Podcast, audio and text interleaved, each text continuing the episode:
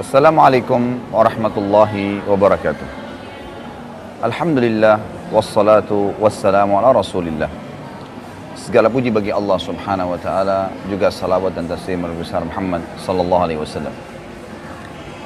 Saudaraku seiman dan budiman rahiman rahimakumullah. Kesempatan ini kita akan bertemu dalam episode mengenal Allah. Lebih jelas saya memberikan judul ceramah kita ini dalam beberapa pertemuan ke depan dengan kenalilah Tuhanmu, maka engkau akan bahagia. Saudaraku banyak orang Islam kalau ditanya siapa Tuhanmu maka dia akan mengatakan Allah. Tapi kalau lebih jauh ditanya siapa itu Allah? Allah ada di mana? Kenapa Allah tidak kelihatan? Lalu bagaimana caranya saya berhubungan dengan Allah? Maka mereka akan terdiam dan tidak punya jawaban sama sekali. Beberapa pertemuan kita ke depan akan kita isi untuk menjawab pertanyaan-pertanyaan tersebut dan mudah-mudahan dengan setiap durasi dari apa yang kita sampaikan ini bisa memberikan jawaban dan wacana kepada Anda semua. Pemirsa, Allah Tuhan kita. Tidak ada Tuhan selain Allah. Kalimat La ilaha illallah yang merupakan asas daripada agama ini. Bahkan semua nabi-nabi diutus untuk kalimat ini.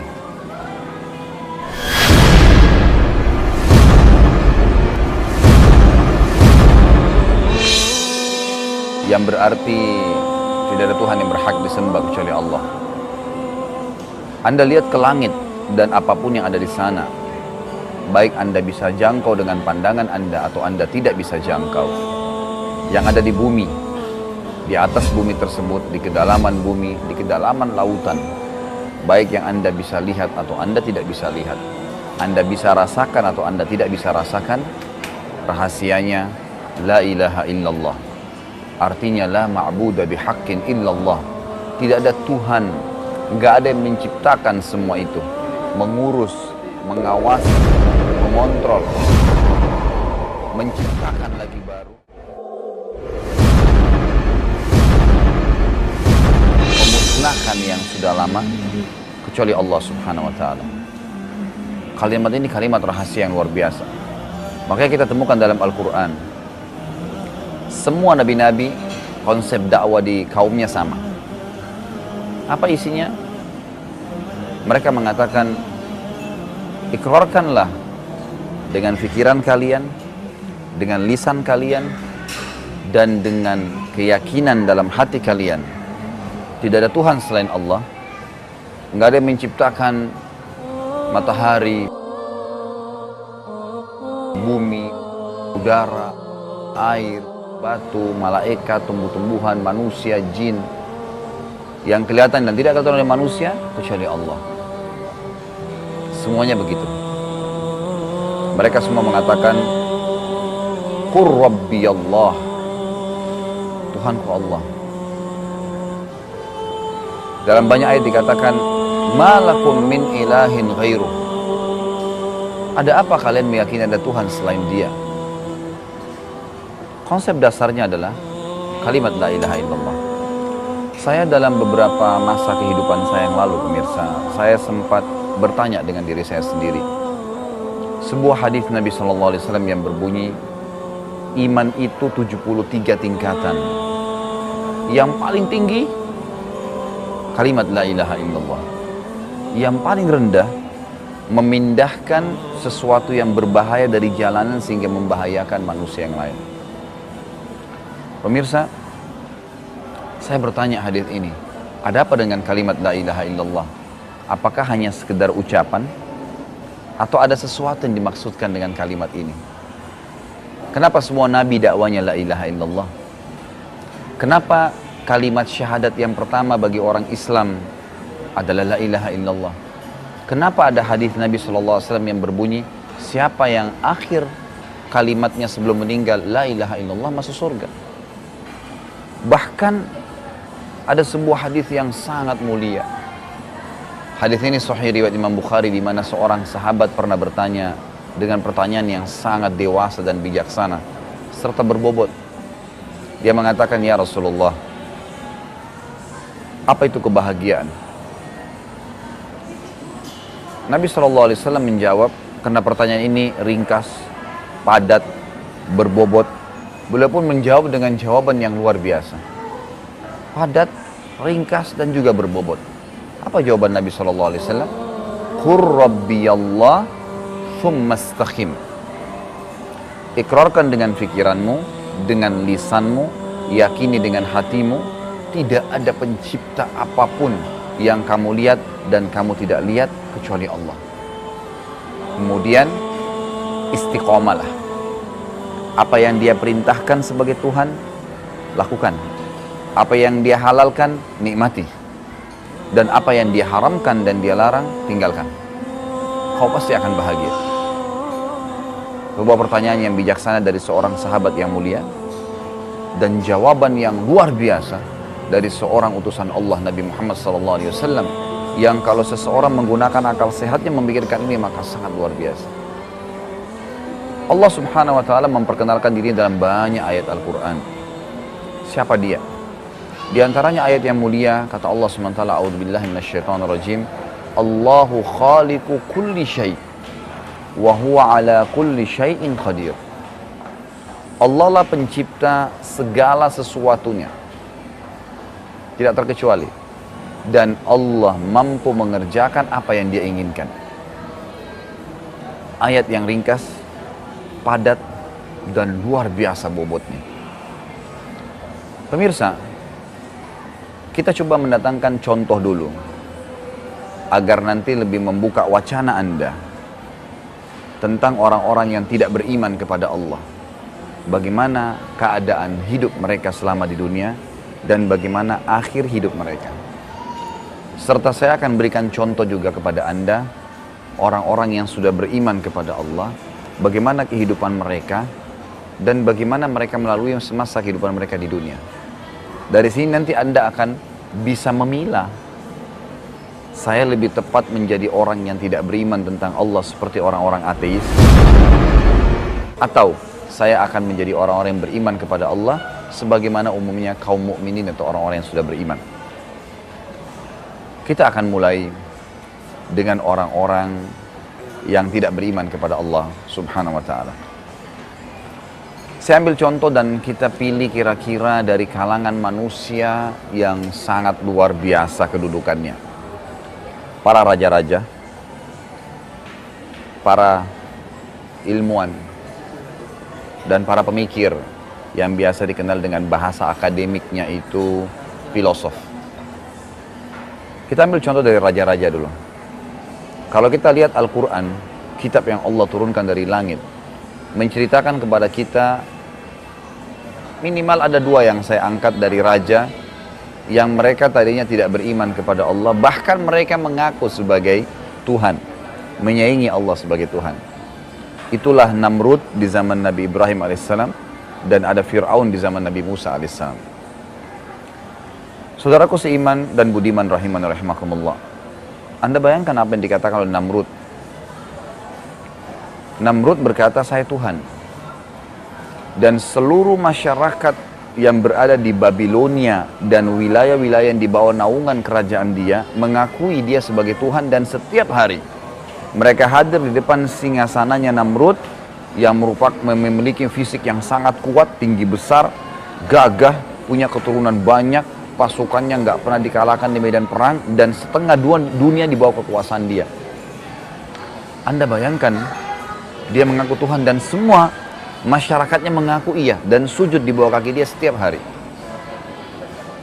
Berjalanlah beberapa tahun, Allah subhanahu wa ta'ala mengutus Nabi Ibrahim alaihissalam. Siapa Ibrahim ini? Sosok seorang anak pembuat patung di wilayah Babilonia. Ayahnya bernama Azar yang membuat patung. Ya, karena waktu itu masyarakat Babilonia mengakui ada beberapa Tuhan, di antaranya Namrud raja mereka dan patung-patung yang mereka buat. Anda tahu apa yang terjadi? Nabi Ibrahim AS diutus oleh Allah, lalu dia datang ke istana Namrud. Namrud mendengar statement tersebut, belum pernah dalam hidupnya ada yang tidak mengaku dia sebagai Tuhan di Babilonia. Dan ini seorang masyarakat Babilonia yang biasa. Lalu dia marah dan berkata, Wahai Ibrahim, kalau kau mengaku bahwasanya kau punya Tuhan bernama Allah itu bisa menghidupkan dan mematikan. Saya pun bisa menghidupkan dan mematikan. Kau ingin bukti? Dia panggil pengawalnya, suruh tangkap dua orang masyarakat yang sedang lewat depan istana. Lalu kata Namrud kepada pengawalnya, bunuh yang satu dan hormati yang satu. Artinya berikan dia apa yang dia butuhkan lalu suruh dia pergi. Setelah dibunuh yang satu tanpa sebab, tanpa dosa, dan yang satu dibiarkan pergi, Kata Namrud, lihatlah, saya mematikan dan saya menghidupkan. Pemirsa, saudaraku seiman yang budiman, rahiman rahimakumullah. Kalau Anda berpikir dengan akar jernih, Anda akan mengatakan Namrud ini sangat bodoh. Bagaimana bisa dia mengatakan dirinya sudah menghidupkan atau mematikan. Sementara memang dasarnya dua orang yang dia tangkap tadi sudah hidup sebelumnya. Dan pada saat mati pun emang sudah keadaannya pada saat ditusuk dia akan mati. Bukan spontan dia cuma mengatakan mati lalu mati. Kalau sesuatu atau dikatakan menghidupkan dari sesuatu yang tidak ada menjadi ada. Telur cair jadi anak ayam. Biji dilempar di tanah, tumbuh jadi tuh pohon yang besar. Sperma ketemu dengan sel telur jadi manusia kayak kita bisa ngomong, bisa bicara, bisa makan, bisa minum, bisa marah, bisa senang, dan seterusnya. Baik. Allah SWT menyuruh Nabi Ibrahim AS langsung mengkat. Lalu berkata, Ibrahim katakanlah kepada Namrud, Sesungguhnya Tuhanku, Allah setiap hari menerbitkan matahari dari timur, menerbitkan di barat. Apa kau bisa Namrud? Kata Allah Subhanahu wa taala dalam Al-Qur'an surah Al-Baqarah, "Fabuhital ladzi kafar." Maka tiba-tiba orang kafir itu tidak bisa ngomong. Dia mau bilang apa kira-kira? Nggak ada alasan dia. Emang depan mata kita setiap pagi terbit matahari dan setiap malam dia terbenam. Terbit di timur dan terbenam di barat. Fenomena alam. Kalau anda sebagai Tuhan, wahai Namrud, lakukan. Apa kau bisa? Terdiam, tidak bisa ngomong. Terdiam, tidak bisa ngomong. Lalu Namrud menyuruh pengawalnya menahan Nabi Ibrahim AS di penjara sampai seminggu. Lalu Namrud ya, karena merasa dipermalukan, maka beliau atau dia ingin membalas itu dengan cara mempermalukan ya, juga Ibrahim alaihissalam. Bagaimana caranya? Dia bermusyawarah dengan para pengawalnya, dayang-dayangnya, kita apain nih Ibrahim? Saya ingin membunuhnya, tapi saya tidak ingin mati biasa. Saya ingin mati yang spektakuler, yang membuat nanti, yang membuat tidak ada lagi orang yang seperti Ibrahim, yang membantah ketuhanan saya. Setelah seminggu berpikir, Namrud akhirnya berpikir muncul ide dia untuk membuat sebuah api yang sangat besar, ya, panas, yang ukuran api seperti ukuran bangunan istana dia untuk membakar Nabi Ibrahim alaihissalam. Dibakarlah, lalu Nabi Ibrahim AS dikeluarkan dari penjara, dibuka bajunya, kemudian ya, Namrud mengiklankan ke seluruh wilayah Babilonia atau Irak pada saat sekarang ini ya. Itu untuk datang dan menyaksikan. Inilah hukuman bagi orang yang tidak mengakui ketuhanan Namrud. Ibrahim AS didatangkan di depan semua mata, jutaan mata menyaksikan itu. Nabi Ibrahim AS sedikit kita keluar dari Namrud, pada saat akan dibakar, anda lihat bagaimana keadaan orang yang beriman. Dia mengatakan, Ya Allah, aku mengimani kamu secara gaib. Aku nggak bisa melihatmu. Tapi ya Allah, aku sangat yakin. Engkaulah penciptaku, pencipta segala sesuatunya, termasuk api di depanku yang panas ini. Dan engkaulah yang telah menjadikan api ini dasarnya panas. Maka aku minta kepadamu ya Allah, Aku minta kepadamu ya Allah agar engkau menjadikan api ini dingin dan keselamatan untukku. Apa yang terjadi? Allah subhanahu wa ta'ala menurunkan ayat yang ayat ini terdapat di lima kitab sekaligus. Dalam suhuf Nabi Ibrahim, Taurat Nabi Musa, Zabur Nabi Daud, Injil Nabi Isa, dan Al-Quran Nabi Muhammad alaihi wassalatu wassalam. ayat yang sama berbunyi A'udzubillahi minasyaitonirrajim ya naru kuni bardan wa salaman ala Ibrahim wahai api jadikan dirimu dingin dan keselamatan bagi Ibrahim dilempar Nabi Ibrahim salam ke dalam api anehnya pada saat itu pemirsa rahimani rahimakumullah tidak terdengar sedikit pun jeritan umumnya orang sekuat apa pun kalau tersentuh api pasti akan teriak kepanasan Namrud melihat dan semua masyarakat melihat bingung, nggak ada suara sedikit pun. Maka Namrud ingin menenangkan masyarakatnya sambil berkata, Oh Ibrahim sudah hangus begitu kena asapnya api saya. Tenanglah audiensnya, masyarakatnya tenang. Kemudian dibiarin selama tiga hari. Setelah tiga hari pemirsa Allah, yang terjadi adalah Namrud mengumpulkan kembali masyarakat Babilonia. Kemudian meminta mereka menyaksikan dan Namrud dengan sombongnya berkata saya ingin melihat debunya Ibrahim debunya Ibrahim maka yang terjadi adalah dikumpulkan seluruh masyarakat Babilonia lalu kemudian dipadamkan api pada saat dipadamkan mereka kaget luar biasa ternyata Nabi Ibrahim alaihissalam sedang berada di tengah-tengah tungkuhan api tersebut dan tidak terbakar sedikit pun luar biasa kalau kita mengatakan Allahu Akbar. Namrud akhirnya apa? Dipermalukan. Tadinya dia mau mempermalukan Nabi Ibrahim alaihissalam dan tadi dia cuma malu di depan istananya, dalam istana saja di singgah sana. Sekarang Allah subhanahu wa ta'ala mempermalukan dia jauh lebih besar lagi dibandingkan dari apa yang dia lakukan tadi. Dia tadi mau permalukan Nabi Ibrahim alaihissalam seluruh masyarakat Babilonia, sekarang Allah permalukan di depan seluruh masyarakat Babilonia, ternyata dia tidak bisa membunuh Ibrahim. Dia bingung, gak bisa ngomong, dia pulang ke istananya. Semalam suntuk gak bisa tidur. Anda tahu apa yang terjadi?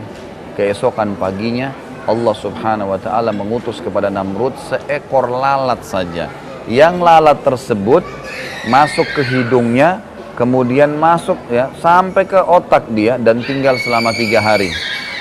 Maka dia pun ya dia pun akhirnya meninggal dunia setelah tiga hari lalat tinggal di otaknya. Allah hinakan dia dengan seekor lalat. Berhubungan dengan masalah ini juga ada sebuah ayat yang sangat luar biasa. Kata Allah SWT, A'udzubillah minasyaitan rajim, Ya ayyuhan nas, duriba mathalun fastami'u lah. Innal ladhina tad'una min dunillahi lan yakhluqu dhubaban walau ishtama'u lah. Wa in yadhlub minhum minhum dhubabu la yastanqidhuhu min Dha'ufat talibu wal matlub. Yang artinya, wahai sekalian manusia, telah diberikan perumpamaan kepada kalian bahwasanya semua yang kalian sembah dan seru selain Allah, patung kah, pohon kah, kuburan kah, setan kah, apa saja, mereka tidak akan pernah mampu menciptakan seekor lalat. Dan kalaupun lalat itu mencuri, walaupun mereka bersatu untuk itu ya, dan kalau lalat itu mencuri sesuatu dari mereka, mereka tidak mampu mengambilnya kembali. Sungguh lemahlah yang disembah dan yang menyembah. Meninggallah Namrud. Meninggallah Namrud. Habis kisahnya. Allah muliakan Nabi Ibrahim AS karena imannya kepada Allah subhanahu wa ta'ala. Raja yang lain Fir'aun. Bukankah Fir'aun terkenal? Sama tadi. Memiliki kelebihan fisik, gagah, punya keturunan banyak, seorang raja, pasukannya gak pernah kalah perang dan menguasai setengah dunia. Cuma beda masa. Kurang lebih jarak antara Namrud dengan Fir'aun ini 500-600 tahun. Tapi secara fis, sifat itu hampir sama. Dua-duanya mengaku sebagai Tuhan. Nabi Musa AS diutus oleh Allah SWT untuk mendakwai Fir'aun. Tiap hari dakwah sampai 10 tahun. Tetap nggak mau. Keras kepala tetap mengatakan dirinya Tuhan. Dan dia selalu menghinakan sungai Nil di bawah istana dia mengatakan wahadil anharu tajri tahti. Perhatikanlah sungai ini takluk di bawahku. Apa akhirnya? Allah tutup dengan apa? Menenggelamkan dia di air di laut merah. Dan Allah menantang dia, silakan kau selamatkan dirimu kalau kau bisa. Kalau kau mengaku sebagai Tuhan silakan. Pada saat dia lihat air ombak laut merah sudah menerpa dia dan dia tidak bisa lagi selamat, dia mengatakan apa? Amantu billadhi amana bihi banu Israel.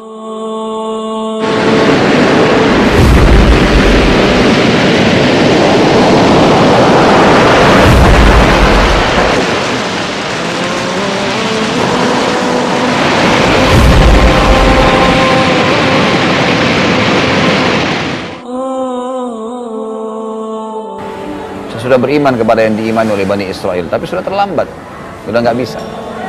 Lalu Allah Subhanahu wa taala menyelamatkan jasadnya agar menjadi pelajaran buat orang-orang yang tidak beriman kepada Allah dan bagaimana keadaan kafir kepada Allah ini akan menyusahkan hidup dia. Kata Allah SWT dalam ayat lain, A'udzubillahi minasyaitonirrajim, Al-yawma nunajjika bi badanika litatuna ayatan liman khalf. Hari ini ya aku selamatkan jasadmu agar menjadi pelajaran bagi orang-orang yang datang setelahmu nanti. Ini pelajaran besar. Contoh yang kedua yang tidak beriman kepada Allah adalah para ilmuwan. Siapa sih ilmuwan kira-kira di barat yang paling ditokohkan? Kalau kita tangkap Darwin. Kenapa saya pilih Darwin? Karena Darwin adalah salah satu ilmuwan yang ateis. Semua teori yang dia buat sebenarnya intinya adalah menolak ada Tuhan namanya Allah. Salah satu teori yang terkenal adalah manusia dari kera. Dia juga mengatakan hewan-hewan Ya, udara itu dari darat dan hewan darat dari lautan. Begitulah seterusnya dia coba mencari merekayasa keadaan teori agar bisa menolak ada Tuhan namanya Allah. Apa yang terjadi pemirsa? Dia menulis dalam bukunya dan sampai sekarang masih ada. Dia mengucapkan kalimat satu waktu dia pernah dipermalukan oleh Allah Subhanahu wa taala dengan seekor burung merak. Pada saat dia mau pergi mengajar, seekor burung merak lewat di hadapan dia, menghadap ke dia lalu mengepakkan sayapnya dan kita sudah tahu bagaimana indahnya warna-warni yang ada di sayap burung merak. Pada saat dia lihat warna-warni itu, maka dia pun bingung karena biasanya dia kalau lihat sesuatu benda atau hewan misalnya, maka dia mengatakan ini dari hewan ini, space yang ini, ya untuk mengelabui agar menolak ada Tuhan namanya Allah. Dia bilang saya bingung sampai dia meninggal saat ini masih ada di bukunya di space gitu. Dia mengatakan saya selalu muak kalau mengingat burung merak yang menghadang jalan, jalan saya karena saya tidak pernah tahu dari mana asalnya. Terbantahkan dengan sendirinya padahal dia seorang ilmuwan. Nolak ada Tuhan namanya Allah. Pemirsa yang budiman rahiman rahimakumullah, saya akan kembali pada stack yang lain di mana kita akan memberikan contoh orang-orang yang sudah beriman kepada Allah Subhanahu wa taala. Paling tidak Anda sudah mengambil sebuah kesimpulan pada pertemuan ini bahwasanya ada orang-orang yang tidak beriman dan hidup mereka akan kacau karena tidak beriman kepada Allah Subhanahu wa taala.